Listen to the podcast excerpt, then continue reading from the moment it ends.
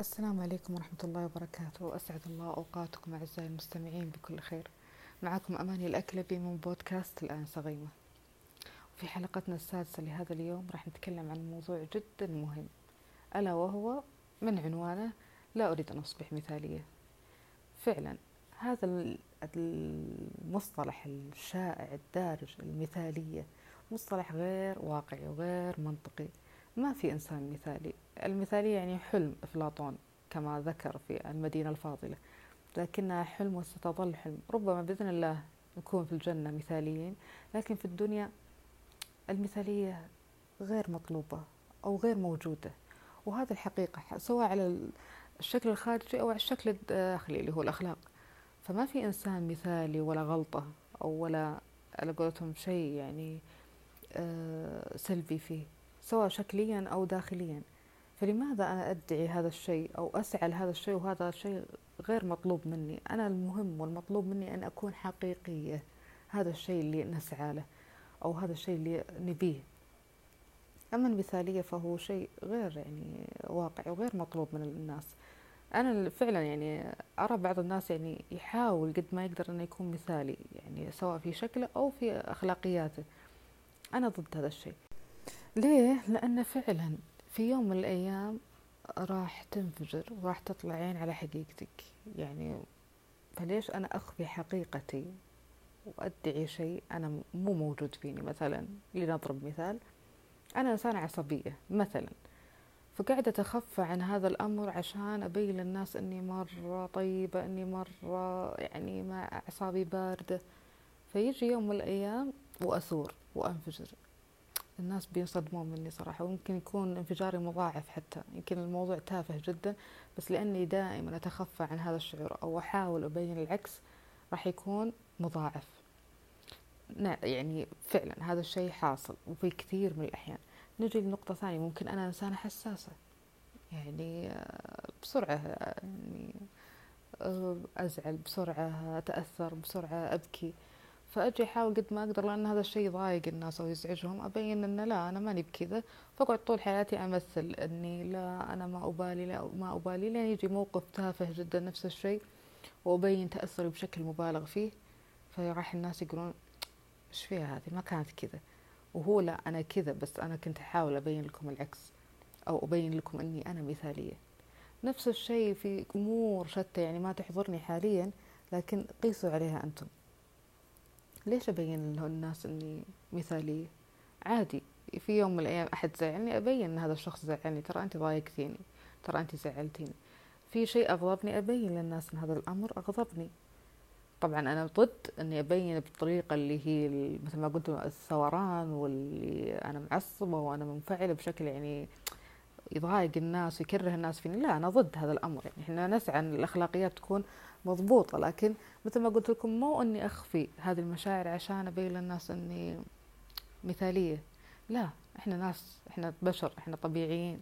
ومن الطبيعي إني أبين مشاعري سواء السلبية أو الإيجابية. ومو أعني بالسلبية إني مثلا أتنمر أو أسخر على الناس وأقول هذه مشاعري وما بيطلع بشكل مثالي. مثل ما قلت يا أماني أبي أكون حقيقية. لا هذا الخلق السيء لا إحنا ما ندعي له.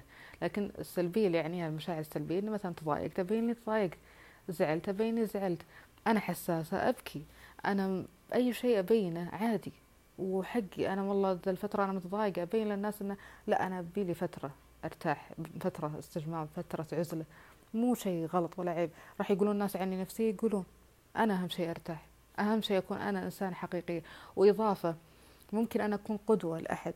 فلما أطلع بشكل مثالي ويوم من الأيام يطلع مني تصرف يعني غير متوقع مو أقول سلبي جدا لكن غير متوقع راح يعني أسوي شرخ في صورتي أمام هذا الشخص اللي يراني قدوة.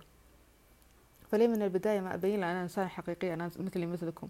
وهذا الحاصل للأسف يعني هذا الحاصل الكثير من الناس يصير عنده آه، قدوته شيء يعني كأنه جاي من الجنة أو شيء ما راح يتكرر أو شيء ما في ولا غلطة كما يقال ويشاع فأول ما يصير حدث أو شيء ويختلف هذه الصورة ويختلف هذا الشخص عن الصورة اللي أنا عفوا رسمتها عنه يصير ابتعاد عن هذه القدوة وأنه خلاص ألغيها من حياتي وما عاد تصير قدوة.